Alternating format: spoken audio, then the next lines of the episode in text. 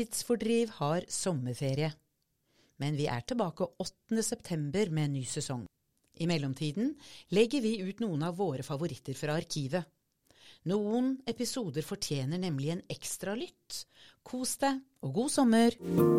Siden dette er en historisk podkast, så går det an å nevne alt. altså, nå står vi midt oppi en historisk men de har ikke sett det. har blitt et fenomen. Velkommen til Vestfoldmuseenes podkast Tidsfordriv. Starten på 2021 har vært innholdsrik.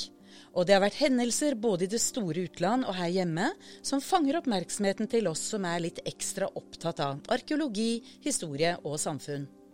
To eksempler som gjør at vi snakker om dette i dag, er stormingen av den amerikanske kongressen 6.1. Det var noen symboler der som viste til norrøn kultur. Innenlands så er det krefter i det trønderske vikingmiljøet som har pekt ut høyreekstreme holdninger, og noen vil si en romantisering av vold. Vi i Vestfoldmuseene ser ikke på dette som isolerte enkelthendelser, men heller symbol på noe mer, nemlig bruk og misbruk av historien. Med oss i dag for å ha en samtale om dette, har vi besøk av historiker Fredrik Bjønnes. Hallo, hallo. Og så er arkivformidler Ulla Nachstein her. Hei. Og så samfunnsanalytiker Øyvind Næss. Hei. Fredrik, du er historiker. Og du kjenner vikingmiljøet, og du brenner for levende historie. Hvorfor er dette noe vi som museum burde diskutere, tenker du? Nei, altså det er jo en, eh, det er en utfordring da, at vi som museum vi, eh, vi spiller jo litt på den romantiserte holdningen til eh, fortiden, spesielt av vikingtid. Og det har vært siden ja, 1800-tallet, i forbindelse med nasjonalromantikken, at man brukte vikingen som både det ekte og det norske. Og vikingen har en del egenskaper som er på en måte veldig lett å bruke. modig, mandig, eventyrlysten, krigersk. En grunn til at kanskje polfarere ble beskrevet som samtidens vikinger. Og så spiller vi på en del av disse tingene også i dag, bl.a. gjennom populærkulturen. og vikingen har en del positive egenskaper også i dag. Eh, vikingen kan ses på som ganske liberal. Eh, leve i pakt med naturen, er det noen som mener, selv om man kan diskutere det. Eh, men så er det lett å misbruke. Ja, misbruk det er jo som vi sier bruk og misbruk. Det er det vi har lyst til å snakke om i dag. Og Ulla, du har jobbet mye med jødeforfølgelser under annen verdenskrig. Er dette noe du reflekterer over når du jobber med dette? Ja, det har jeg møtt eh, på mange ganger. Altså, nå er det sånn at jeg um, leder dette prosjektet Vestfoldmuseene har, med et formidlingsprosjekt som heter 'Det angår også deg'. Og det handler om holocaust, og vi plasserer det lokalt på mennesker og steder og, som, som, bodde i våre nærområder. Um, når man jobber med jødisk historie, så legger jo dette lokket av um, antisemittisme seg over, ikke sant. Og så er det jo sånn at uh, altså det man allerede er opptatt av og kan noe om, det påvirker jo alltid hva man oppfatter, og hvordan man leser det man tar inn. Tenker jeg sånn at eh, Min evne til å forstå og sette ting i sammenheng, det styres jo til en viss grad av det jeg jobber med. Sånn at Hvis jeg hadde vært ekspert på vikingtid, sånn som Fredrik, så hadde jeg jo sikkert sett mer i den debatten som foregår nå, eller det som du har sett. ikke sant? Og jeg hadde fått andre tanker enn det som jeg får ut fra mitt ståsted. Og det, det, kan vi jo komme tilbake til etterpå, tenker jeg, Ulla. Fordi med oss i dag så har vi også Øyvind Næss, og du er samfunnsanalytiker. Og når vi snakker om bruk og misbruk av historien, og burde da museene ha en stemme, et korrektiv? Hvordan leser du museenes samfunnsoppdrag her? Eh, ja, det mener jeg helt klart at de burde. Um, jeg tror um, Skal man ha noe som helst kraft uh, som samfunnsinstitusjon, så må man ha en stemme, og så må man ta det ansvaret som følger den stemmen. Um, så ja, det, og spesielt nå, og det har blitt aktualisert nå siste tiden med, med mange parallelle sannheter. Uh, og der har vi helt klart et, et ansvar og, og et oppdrag i å gå i diskusjon. Ja. Ja, og det er jo derfor vi er her i dag, og det er derfor vi har disse samtalene, nettopp for å prøve å belyse da med dere tre fra tre forskjellige hva skal vi si, faglige ståsteder inn i noe som samler oss alle. Nettopp dette at museene skal være aktuelle. Vi skal våge å gå inn og kommentere på ting som kan skje i vår samtid. Og da lurer jeg på, Ulla, f.eks. i reklame. Har du gjennom ditt arbeid med jødeforfølgelse og dette med at historie gjentar seg, har du tenkt det i forhold til vår samtid nå? Ja, jeg tenker jo det at det er historiebruken er misvisende på veldig mange felt i, eh, i, i, samfunnet vårt.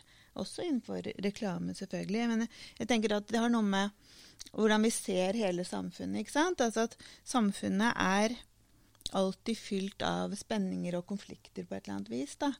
Eh, det har det alltid vært. Og det viser også hvordan vi bruker, og har brukt historien vår som et slags sånt eh, verktøy, ikke sant?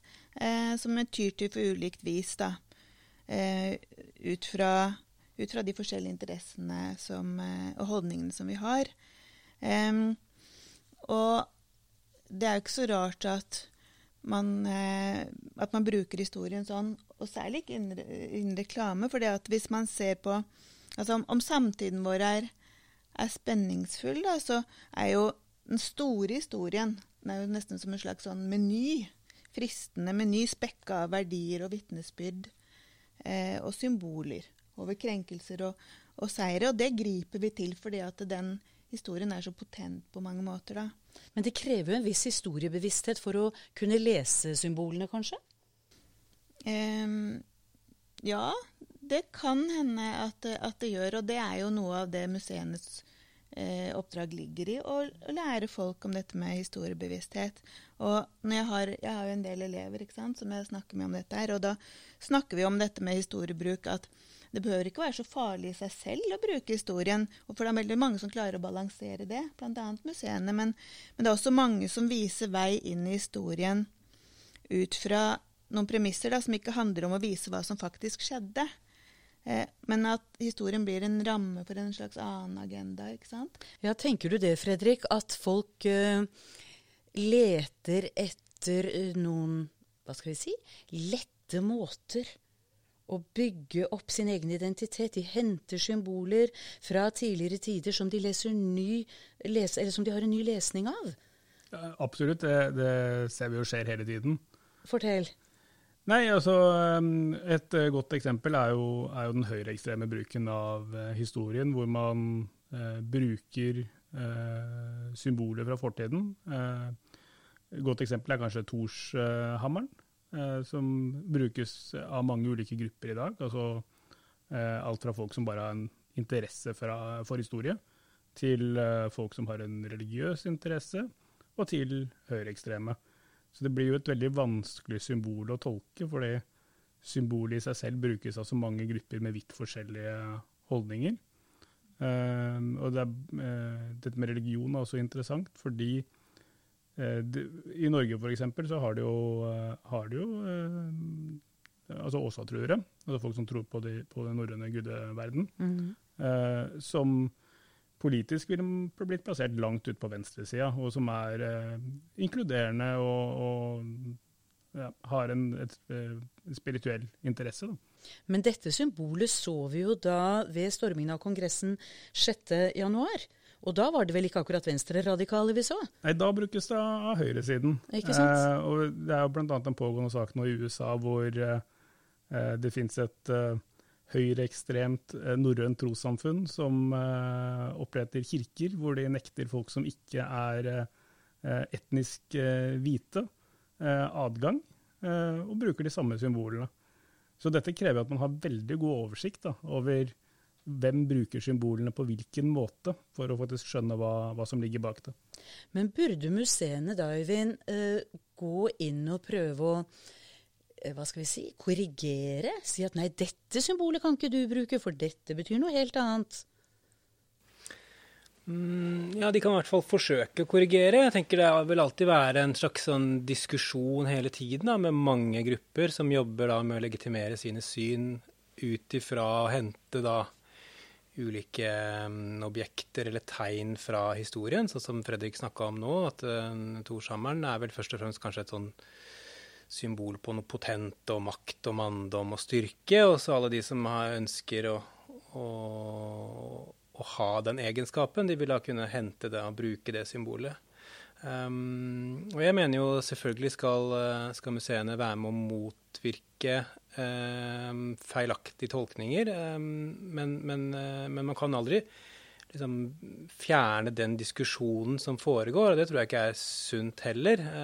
akkurat nå så svinger pendelen kanskje vel mye i visse deler av verden, men, uh, men så får man da forsøke å ja, tale sannhet, da, tale det som er uh, oppdatert uh, kunnskap om disse forskjellige aspektene. Hva tenker du, Ulla? Nei, altså Jeg tenker jo at noe av vår oppgave også er uh, å være en slags øyeåpner. da, Å lære folk å se hva er det man skal se etter, og lese bruken av symboler, eller misbruk av symboler også. og det en, Et eksempel som jeg har brukt en del på overfor skoleelever, Eh, i forhold til dette med historiebevissthet, er fra reklame, sånn som du snakka om i stad, eller egentlig også fra produktutvikling. Eh, og det, da var det eh, kleskjeden Sara, som har jo hatt ganske mange overtramp, som har vært oppe mange ganger. Eh, og i 2014 så lanserte de en eh, T-skjorte for småunger fra null til tre måneder, tror jeg det var. Altså sånn bitte liten, altså.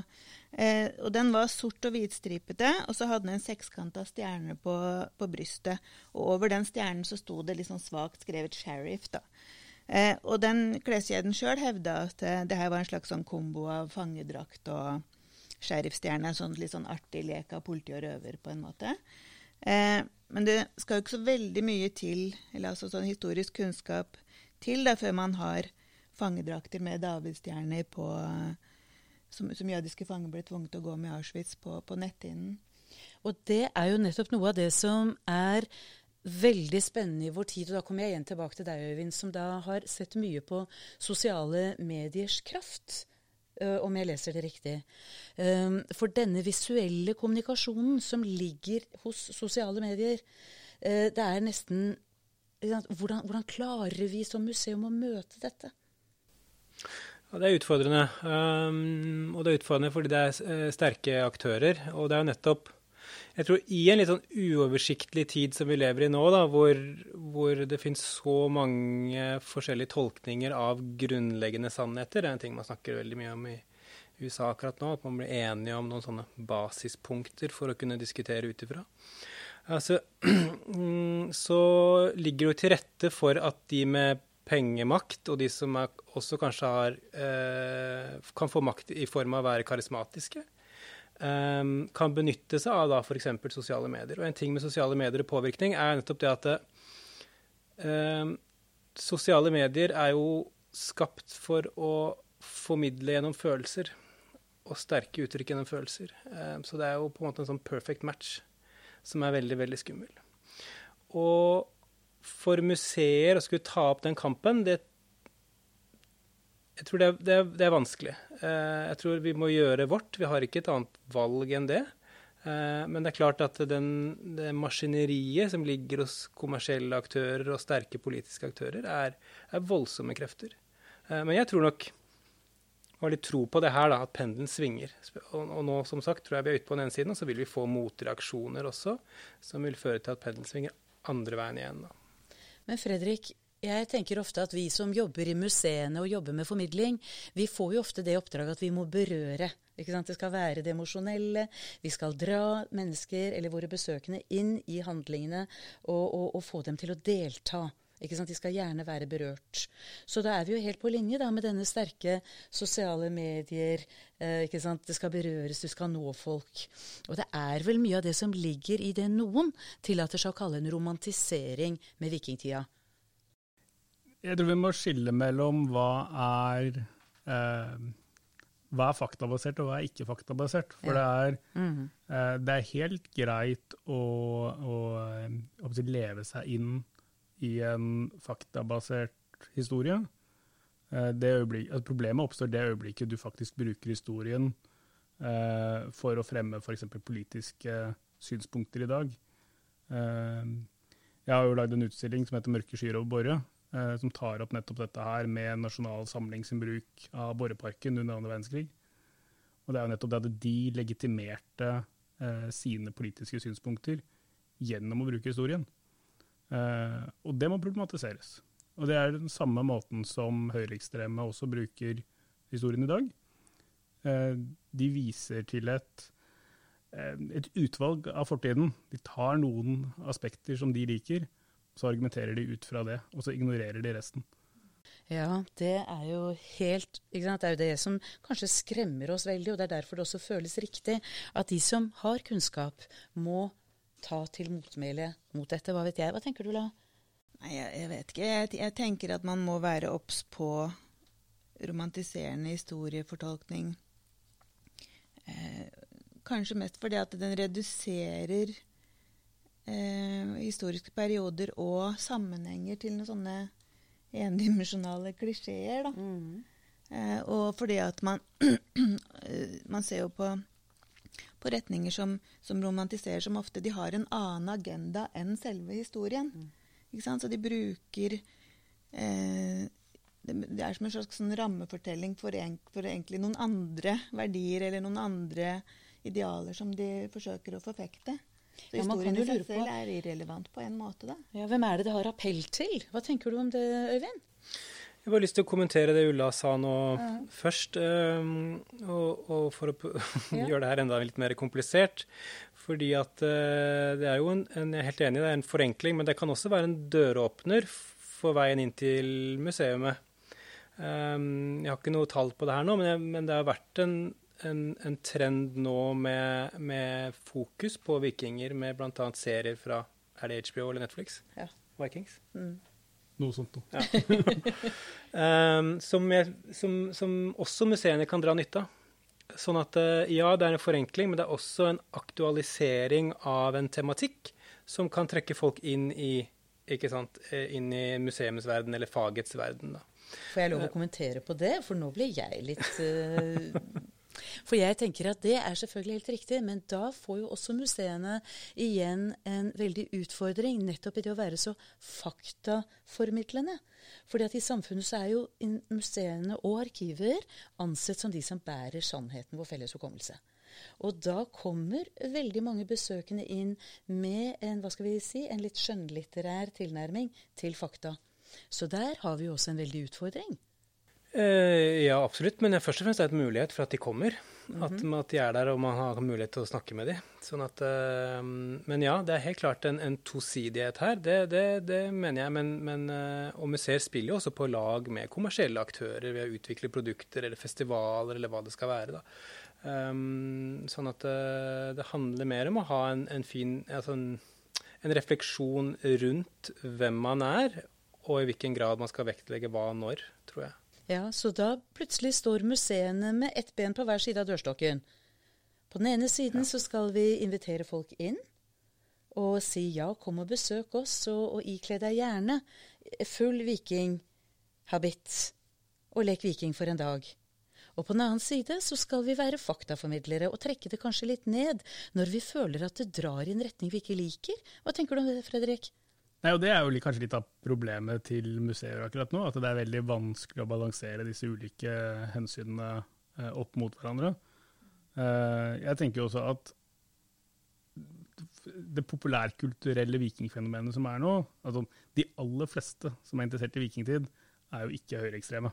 Eh, så at man ser Vikings eller en eller annen serie og tenker at man vil lære mer om vikingtid og komme på museum, det er bare positivt så er det en liten gruppe som egentlig ikke er interessert i historien i det hele tatt. De er interessert i sin eh, moderne tolkning av en eh, fantastisk fortid hvor, eh, hvor menn er, eh, er, eh, sterke og mandige og beskytter eh, sin egen stamme mot noen andre. gjerne iblanda relativt skumle raseteorier. den gjengen de blir ikke påvirket av hva vi formidler på et museum. Eh, så problemet er hvordan får vi håper å si, marginalisert dem, samtidig som vi får tak i alle de andre, uten å romantisere historien for mye. Nei, det her er det en balansegang, det hører jeg absolutt. Um, Anthony Giddens er en stemme innenfor vårt fag. Og han sier noe sånn som at dype endringer i verden, hvor konturene for fremtiden enda er svake for oss, gjør at mennesker kan kjenne på frykt. Og det kan være grobunn for at de søker sant, til symboler og forankringer i noe som har en trygghet i seg, fordi det ligger bak oss i tid. Og så føler man at man står litt bedre rustet kanskje for fremtiden. Hva tenker du om det, Ulla? At det er fryktdrevet, denne romantiseringen med fortiden? Eh, nei, jeg vet ikke om det er fryktdrevet akkurat. Jeg tenker at jeg, jeg er reddere for, for, frykt som fører til forenkling av Eller altså nyans, at man slutter å nyansere, at man begynner å forenkle. At man begynner å tro ting om verden som ikke er basert på kritisk tenkning. Mm. ikke sant? Konspirasjonstenkning. Jeg er, nok, jeg er nok mer redd for all den mistilliten til samfunnet som eh, gir en grobunn for veldig mange skumle krefter. Da. Mm. Så um, det er jo Det ligger mye krutt i frykt. Ja, det er nettopp det. Ja, mm. det gjør det. Og, og um, ja. ja hva, hva, tenker du, Øyvind? Mm, ja, fra mitt ståsted så, så, så, tror jeg nok Altså, i den verden vi lever i i dag, eh, så kan man i stor grad for så vidt velge sin identitet. Mm. Um, og det har vi jo sett uh, og ser hele tiden, og kanskje opplever hele tiden, og kanskje lever hele tiden, uh, de fleste av oss. Um, uh, som skiller en litt sånn skiller oss fra en slags førmoderne eller industriell verden, da, hvor man for å sette litt på spissen, sant, hadde jobben på fabrikken, og, og, og vi hadde en klasse, og man var født inn i etc. Og Det skaper jo selvfølgelig muligheter for da, å plukke litt eh, her og litt der, eh, og danne eh, både identiteter og grupper som kan vokse seg sterke opp imot f.eks. en misnøye rundt politikere, eller hva det skal være. Og dette her er det mye kraft i, det har vi sett. Mm. Føler institusjoner på en slags avmakt, da kanskje? Det vet ikke jeg, og det er vel ikke mitt inntrykk her i Vestfoldmuseene at, at vi, vi, gjør det. Men, men, man må heller bare ta høyde for, for den diskusjonen som, som, foregår hele tiden, og melde seg på i den. Og, og, og fremme sitt syn basert på, på den, den, plassen vi har da, i den samfunnssamtalen. Og det er noe av det dere har gjort på Borre da. Når dere har laget den utstillingen 'Mørke skyer over Borre', så løfter dere frem Ja, vi løfter jo egentlig fram eh, hele problemstillingen rundt hvordan bruker vi eh, historie, og hva er, hva er, bruk og hva er misbruk. Mm -hmm. eh, og så ja, dette med kildebruk, altså hvordan, hvordan forholder vi oss til, til, kilder, og hvordan unngår man eh, konspirasjonsteorier og ekkokamre. Eh, så tenker jeg at som, som museum så, så har vi kanskje en når vi inviterer inn, eh, spesielt altså frivilligheten, og siden det var eh, utgangspunktet for samtalen, eh, tenker jeg vi har også et ansvar for å, for å korrigere eh, frivilligheten der det er eh, behov. Og vi har kanskje også et ansvar for å eh, ja, påvirke populærkulturen når de ønsker å bruke våre arenaer. Nettopp. sånn at ikke vi bare er vi kan ikke stå på sidelinja og bare gi fra oss ansvaret. Vi må være, ha en tydelig stemme hele veien.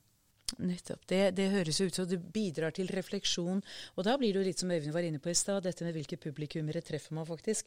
Og hvordan kan institusjonen lese seg selv kanskje på en ny måte inn i når det er store endringer i tida vår, sånn som nå. Men Ulla, eh, du jobber jo da i et formidlingsprosjekt hvor nettopp dette å få til en refleksjon eller en vurdering hos de som deltar, det er gjerne skoleungdommer, ikke sant? Ungdomsskole? Ja, ungdomsskole og videregående. Mm. Ja.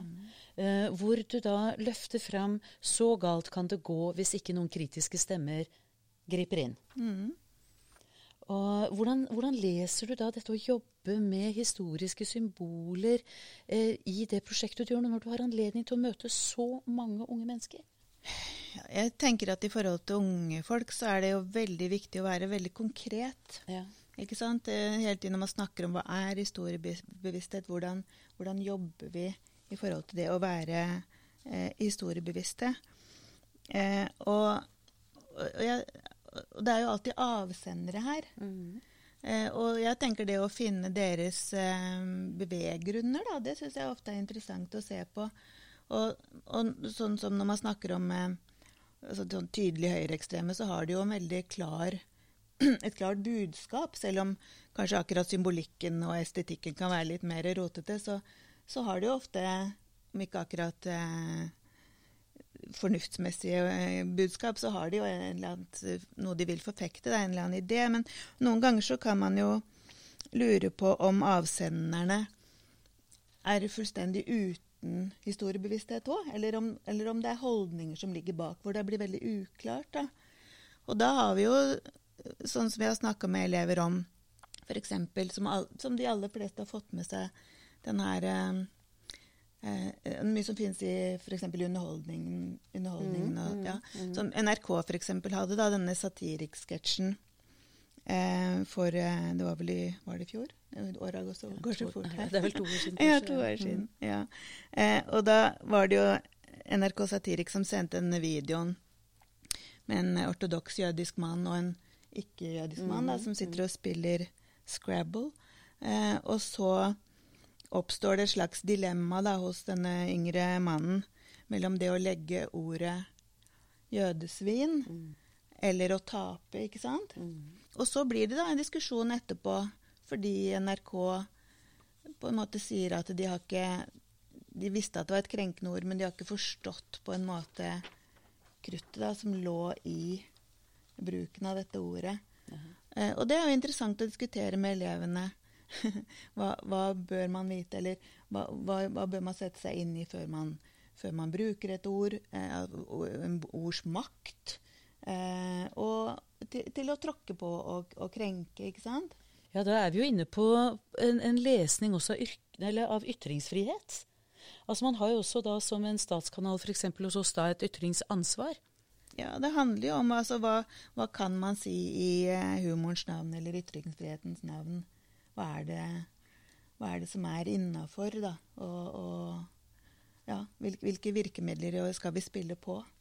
Det er nettopp det. Jeg uh, lurer på Videre i denne samtalen så er det jo forskjellige ting som vi er nødt til. å Altså, er det da sånn at museene skal sette munnkurv på seg selv, da, fordi det er så farlig å gå inn i dette landskapet, for du vet ikke hvem bærer byrden, hvem føler seg krenket? Hva tenker du om det, Øyvind?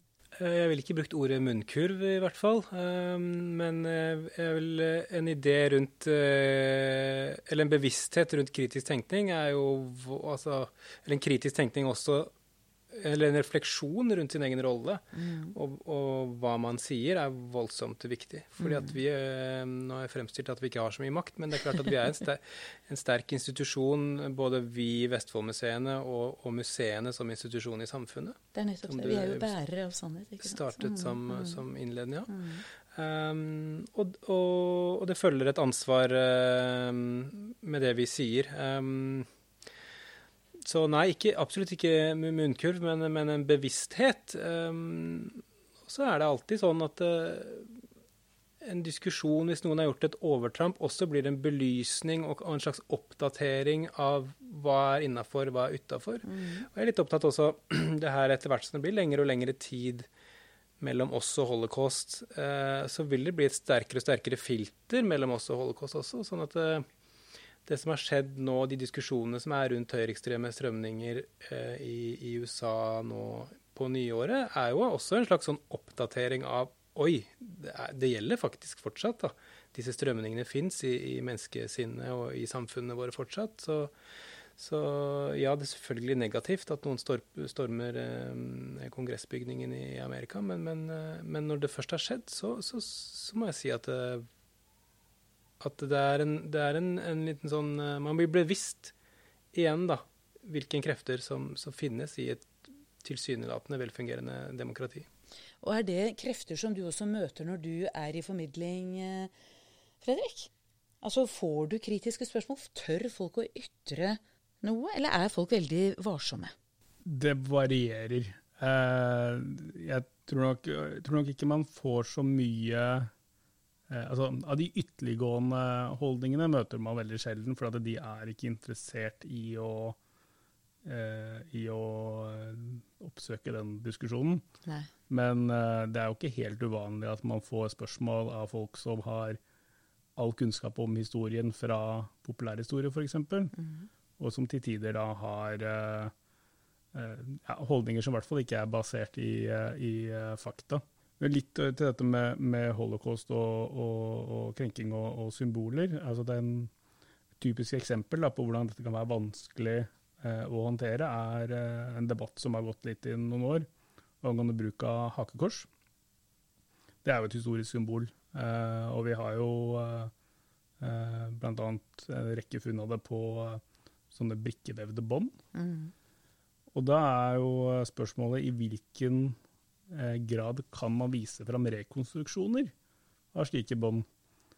Uh, og jeg, jeg, tenker jo at dette er jo helt greit så lenge det er i den si, korrekte historiske konteksten. Nettopp. Så hvis du gjenskaper den historiske gjenstanden, så bør du jo kunne gjøre det med symbolet, så lenge det formidles også som faktisk en rekonstruksjon av et funn. Men løsrevet så er jo dette det sterkeste symbolet. Akkurat. Så hvis, og det ser man jo problemet med. Mm. Uh, at folk kanskje bruker uh, det historiske noen ganger som en slags uh, unnskyldning for å vise det fram, hvor hensikten ikke er å formidle om historie, men nettopp den politiske bruken. og da, da, kan man jo fort som museum komme opp i, i litt vanskelige situasjoner med å ta vurderinger. Men ja, hva tenker du, da? Ja, altså, jeg, jeg tenker jo det er jo man må ha mange innfallsvinkler akkurat her. Da, fordi at eh, en ting, altså, en ting, er å diskutere et symbol ut fra sin historiske kontekst. Det syns jeg man kan gjøre selvfølgelig, å bruke og vise. Men eh, det er jo også litt sånn at når noen har dratt symbolet ned i en sånn slags ideologisk gjørme, sånn som hakekorset eller solkorset, så, så, er det veldig vanskelig å, å vaske det reint igjen. Eh, og da kan det vanskelig brukes da, uten at man, at man tar det inn med inn i fortellingen. Men, men jeg, jeg, tenkte en del til, rundt det her når eh, eh, det, det, var en sånn kinkig situasjon som Dale of Norway havna i i 2017. ikke sant? De lanserte denne landslagsgenseren for eh, var det alpinlaget? Ja, alpinlandslaget. Ja, mm -hmm. Og den inneholdt jo sånne tyrunder, ikke sant. Og så lebenrunder. Det er ikke jeg helt sikker på hva er for noe. Hva er det, Fredrik? Den hadde i hvert fall to sånne Ja, de hadde flere, ja, de hadde flere, flere sånne. Ja. Og det, i, i, i, samme tiden så, så vandra jo nordisk motstandsbevegelse rundt i Kristiansand med, med de samme eh, symbolene, ikke sant? Og det hadde, ifølge produsentene, så hadde ikke de reflektert over det. Men så ble de gjort oppmerksom på det, og så bestemte de seg først for at det ville de ikke bry seg med, fordi at nazistene, de mente at nazistene har ikke eierskap til de historiske symbolene. Men det endte jo med at det ble trukket. da. Og så, og så må jeg si at jeg var litt sånn delt der. Fordi at eh, jeg syns det er eh, som sagt problematisk å bruke symboler som er dyppa i mm. nazisme. Men, men er, jeg tenker jo at det er jo ikke riktig at de skal få eierskap til kulturhistorien som de forvalter på, på helt gærne premisser heller. Sånn at jeg, det kan godt hende at vi hadde hatt mer å vinne på sånn i det lange løpet. og Eh, å tillate de genserne. Men da kanskje man måtte ha gått ut med verdens største og beste informasjons- og, og reklamekampanje ved siden av. da. Sånn at man liksom opplyser og forteller i alle kanaler. Eh, for å ja, ta det tilbake. Ja, for å vaske dem, som du sa så ja, fint. Ja, i hvert fall å mm. sette noen mer sånne autentiske merkelapper på dem. da. Og at de tas tilbake ja, til sin originale At man får vekka en historiebevissthet gjennom å ta tilbake. Det har vært interessant å prøve. Jeg vet ikke om det har vært skummelt å prøve, kanskje òg, men det, det, er jo litt spennende da med uh, dette med runer, for mm. det er jo et skriftspråk. Ja. Det er ingen som hadde reagert om uh, det var latinske bokstaver. Så der har vi igjen dette med at det er en uh, la oss kalle det en død kultur. altså Det er en, en fortid som, som ikke brukes i dag hvor symbolene gis et nytt innhold. Mens vi vil jo aldri finne på å diskutere bruken av latinske bokstaver som brukes til eh, høyreekstreme formål. Mm. Og det er eh, Et annet eksempel som jeg har med litt i utstillinga, er jo dette med det kristne korset. Når høyreekstreme bruker det kristne korset som symbol, så er det jo ingen som krever at kristendommen skal bytte symbol. eh, så det er en sånn vanskelig balansegang med, med, historiske symboler og hvordan de brukes. og det, jeg tror ikke det finnes noe, noe, riktig svar. Det er kanskje noe med kontinuiteten i bruken. Da. Altså det, korset har jo liksom vært brukt hele tiden, mens det, disse her andre har liksom ligget og hvilt noen hundre år. Så det er ikke, man er liksom gått glipp av en del generasjoners bruk av det. Og I hvilken grad det er forankra i, i, en bruk. Altså Kristne ja. korset er et voldsomt sterkt symbol for ja. kristendommen. Mm. Hvis noen prøver å bruke det til noe annet, så, så vil de ikke kunne dra det bort fra det mentale bildet vi får når vi ser et kors, Nei, nemlig kristendommen. Mens uh, svastika, eller solkorset eller hartikekorset er jo mye, altså først og fremst knytta til, til, nazismen. En helt gitt epoke. Mm. Mm, mm. Ja, ja, og en, sant, en som er Ideologi. voldsomt sterk, da. ikke sant? Mm. Ja. Men det er vel også sånn at de som velger, da, som du sier, Fredrik, å bruke korset når de marsjerer, de nøler jo ikke med å si at de har en forankring der hvor korset jo er tolket og brukt. ikke sant? De, de sier jo at de er kristne. Det er jo en del av deres fundament. Absolutt. Eh, og det er, uh, det, det er, Dette er jo liksom den store utfordringen vi har, eh, om det er eh, håper si, samtid eller, eller, historie. Nettopp at folk og grupperinger bruker ulike symboler basert på en egen tilknytning til dem, som kanskje bryter med alle andre sin bruk av de samme symbolene. Spørsmålet er jo da hvem har rett, og, og har noen egentlig rett? Nei, nettopp. Altså meningsinnholdet som vi leser inn i akkurat det vi var inne på tidligere, altså visuell kommunikasjon. Det går så raskt. Og det meningsinnholdet som et symbol kan ha for meg, kan ha et ganske annet sant, meningsinnhold for deg. Og da er det jo ikke så lett for institusjonen å gå ut og mene så mye.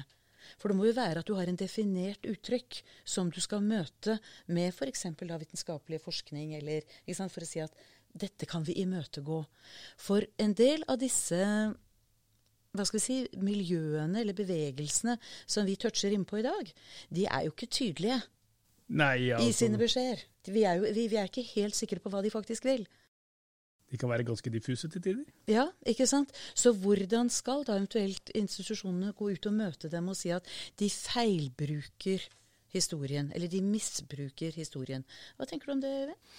Mm, jeg tenker først og fremst er de, de er kanskje ikke tydelige hvor de henter sine symboler fra, men de er jo tydelige i en agenda hva de står opp imot, um, tenker jeg ofte. Hvis vi, hvis vi ser f.eks. til til han her med horna på, på, på stormingen eh, på eh, Kapitol. Ja. Um, som hadde, ikke sant, um, vikingtatoveringer og, og, og, tradisjonelle sånn amerikanske med disse her horna. Noen har tolka de horna som vikinger, noen har tolka de horna som amerikanske urinnvånere. Mm. Um, men, men, men, begge deler er jo noe som er henta fra fortiden, og som står i kontrast til vår moderne verden. Og der vil jeg si eh, de er tydelige og, og, i hva de er imot, og hva de ikke vil ha. Altså, det er en slags sånn konservativ eh, Nesten litt sånn New Age. Man plukker litt her og litt der, eh, og bygger en identitet rundt det, som, ja, som er for så vidt et litt sånn tegn, tegn i tiden. Jeg, jeg, tenker at vi kan se, Det finnes mange andre, sånn som jeg ser det, i hvert fall, ufarlige varianter av litt sånn lignende måte å appropriere, altså ta tegn og bygge en identitet rundt det. Man kan se liksom, jeg tenker den her trenden rundt sånn surdeigsbrød og ølbrygging og kaffekoking og sleeves-tatoveringer som man ser ut som man er sånn bryggesjauer, er også en del av den samme, tror jeg, forsøk på en sånn liksom, skape en litt mer enkel, oversiktlig verden og identitet da, i i kontrast mot den verden som vi faktisk lever i, hvor vi både lever fysisk og digitalt, og vi er på kanskje fem-seks forskjellige digitale kanaler, og med, med, alle de forventningene det bringer med seg. Da. Ja, jeg tenker at det, det der med å, å, plukke og ikke være så opptatt av eh, sammenhenger, egentlig, det, jo, det, var jo sånn med, med nazismen også. altså både Verken var eller er noe sånn spesielt eh, gjennomtenkt eller intellektuelt utvikla ideologi. ikke sant? Nazistene var jo egentlig imot fornuften. Man mente jo at man skulle ikke tenke med hodet, men med blodet. Eh, og jeg tenker når man ikke skal bruke hodet, men la, la seg styre av følelser, da, f.eks., så, mm. så, så påberoper man seg også en sånn rett til å um, tolke og føle omkring virkelighetens mange områder sånn som det passer en selv. Mm. Eh, og jeg husker jeg hørte et foredrag med Obama en gang. Han sa jo mye fint, da. Eh, men, men, han snakka i hvert fall om at eh, hvis man skal gå i dialog med andre, så må man finne en felles plattform å diskutere ut fra. Og finne, det må liksom finnes noe man er enig om, da. Eh, og det viser seg å være problematisk hvis, hvis jeg f.eks. sier at 1 pluss 1 er 2, og, og, du mener at 1 pluss 1 er 3, eller du føler at det er 3. Og du har rett til å føle at det er tre, for det er det faktisk for deg. Så, så, så har jo ikke vi noen særlige muligheter for å, for å møtes. Eh, og hvis man liksom Hvis man eh, går til historien for å finne personlig svar på hva fortiden egentlig var, noe som man selv har behov for for å legitimere et eget mm, syn, så, mm. Så, vil man jo ikke liksom kunne da, da, søke historien for å finne en sannhet, da. Men, Men man finner en mening. På, hvordan, hvordan, eier folk kunnskap, da? Hvor kommer kunnskap fra? Hva tenker dere om det? Hvordan eier folk kunnskap? Ja, de eier det jo, som Ulla sier, først og fremst gjennom sine egne briller. Ja. Det, men det må vi være klar over. Og, sånn, altså, og det kommer tilbake til det her med å være, ha en, en, en, refleksiv holdning til hvordan man ser, ikke bare hva man ser på. Mm. Men også klar over at alle tolker gjennom sine egne briller. Mm. Um, og så har vi bygd noen institusjoner som universiteter og sånn for å skape diskusjon og skape kritisk tenkning og stille spørsmål. Også jeg er jo tilhenger av å støtte seg på de, selvfølgelig, men, men, så er det noen som føler seg fremmedgjort da, fra hele den verden der, og som danner seg andre grupper og andre sannheter og andre ekkokamre hvor de får bekrefta sine sannheter. Og, og, da får vi en sånn situasjon som Mulla snakka om nå, med, med to pluss to er enten fire eller fem. Men jeg tror også man må ikke gi opp selv om man møter noen som mener at to pluss to er fem. Uh, for det fins fortsatt noe, et startpunkt å diskutere fra. Og hvis vi, hvis vi gir opp det, så har vi ingenting vi må, vi må, fortsatt finne ut Ok, men vi er enige om bare to er, da kanskje, i hvert fall. Så får vi begynne der. I stedet for å være med og, og, og, forankre da, de her skyttergrav... Ja. ja. I den grad det finnes kanskje ikke så mye i Norge, men, men det finnes jo helt klart eksempler på ja. sterk, steile, steile fronter. Ja, og så må man jo ta inn over seg at kunnskap eies på mange forskjellige måter. Altså Noen eier jo kunnskap gjennom Altså at det er en slags sånn 'jeg vet noe, jeg kan noe', det er en slags sånn teoretisk størrelse. da, Mens andre eh, det, det, lærte jeg egentlig av Kjartan Slettemark når jeg jobba på Haugar. Mm. At noen eier kunnskap gjennom å gjøre. Eh, altså at det er en, De omsetter kunnskap i handling på en eller annen måte. Eh, og det kan jo få veldig mange utslag. ikke sant? Sånn at det, eh, og hva er det som bestemmer da hva vi gjør? Hvis vi ser på oss her, da, så er vi 1, 2, 3, 4, 5, 6 mennesker i et rom som kan vite akkurat det samme.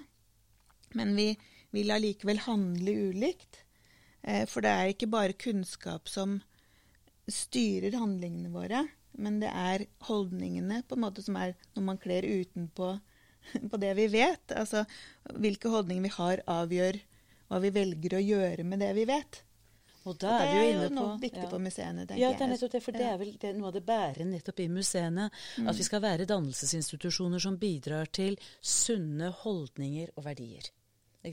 Og da kan vi jo spørre oss selv, da. Finnes det Er det noen som eier sannheten? Er det noen som eier historien? Men vi må kunne tillate oss å diskutere det, fordi det kommer nye impulser hele tiden. Og jeg tenker at det er verdt å stikke nesa si fram og diskutere dette i en tid med mange sannheter, kan det se ut til. Tusen takk til Øyvind Fredrik for at dere stilte opp og uredd delte deres synspunkter og rike kunnskap med oss. Takk skal dere ha. Takk. Takk. Takk. Tidsfordriv er en podkast fra Vestfoldmuseene og er laget av produsent Susann Melleby, lydtekniker Jon Anders Øyrud Bjerva og meg, Ellen Asplin. Ønsker du å kontakte oss? Send en e-post til kommunikasjon vestfoldmuseene.no.